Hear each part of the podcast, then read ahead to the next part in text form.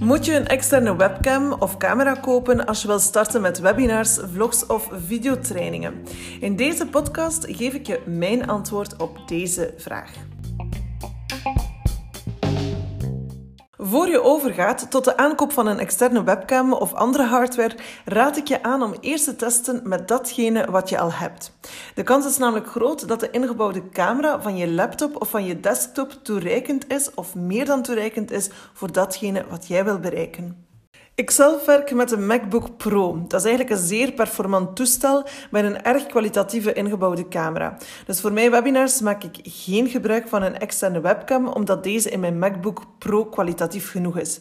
En voor mijn vlogs maak ik gebruik van een Sony-camera en af en toe ook, wanneer ik van thuis uit werk, bijvoorbeeld van mijn laptop. En om heel eerlijk te zijn, vind ik de kwaliteit van het camerabeeld van mijn laptop super. Ik vind het altijd zonde als ik zie dat mensen soms zwaar investeren in hardware of in software en er dan in de praktijk nauwelijks gebruik van maken. Weet dat je voor een goede webcam toch gemakkelijk 100 euro of zelfs een pak meer neertelt. Dus daarom mijn advies, als je veel online werkt, online onderneemt of online traint, investeer in de allereerste plaats in een performante computer. Want dat is eigenlijk je basisstation, je basisuitrusting. Dus ga pas over tot de aankoop van een externe webcam als je na testen merkt dat de kwaliteit van je ingebouwde camera niet aan je kwaliteitseisen voldoet en als je er zeker van bent dat je veel gaat webinaren en veel gaat vloggen. Of wanneer je veel videotrainingen gaat maken waarbij je zelf ook in beeld komt.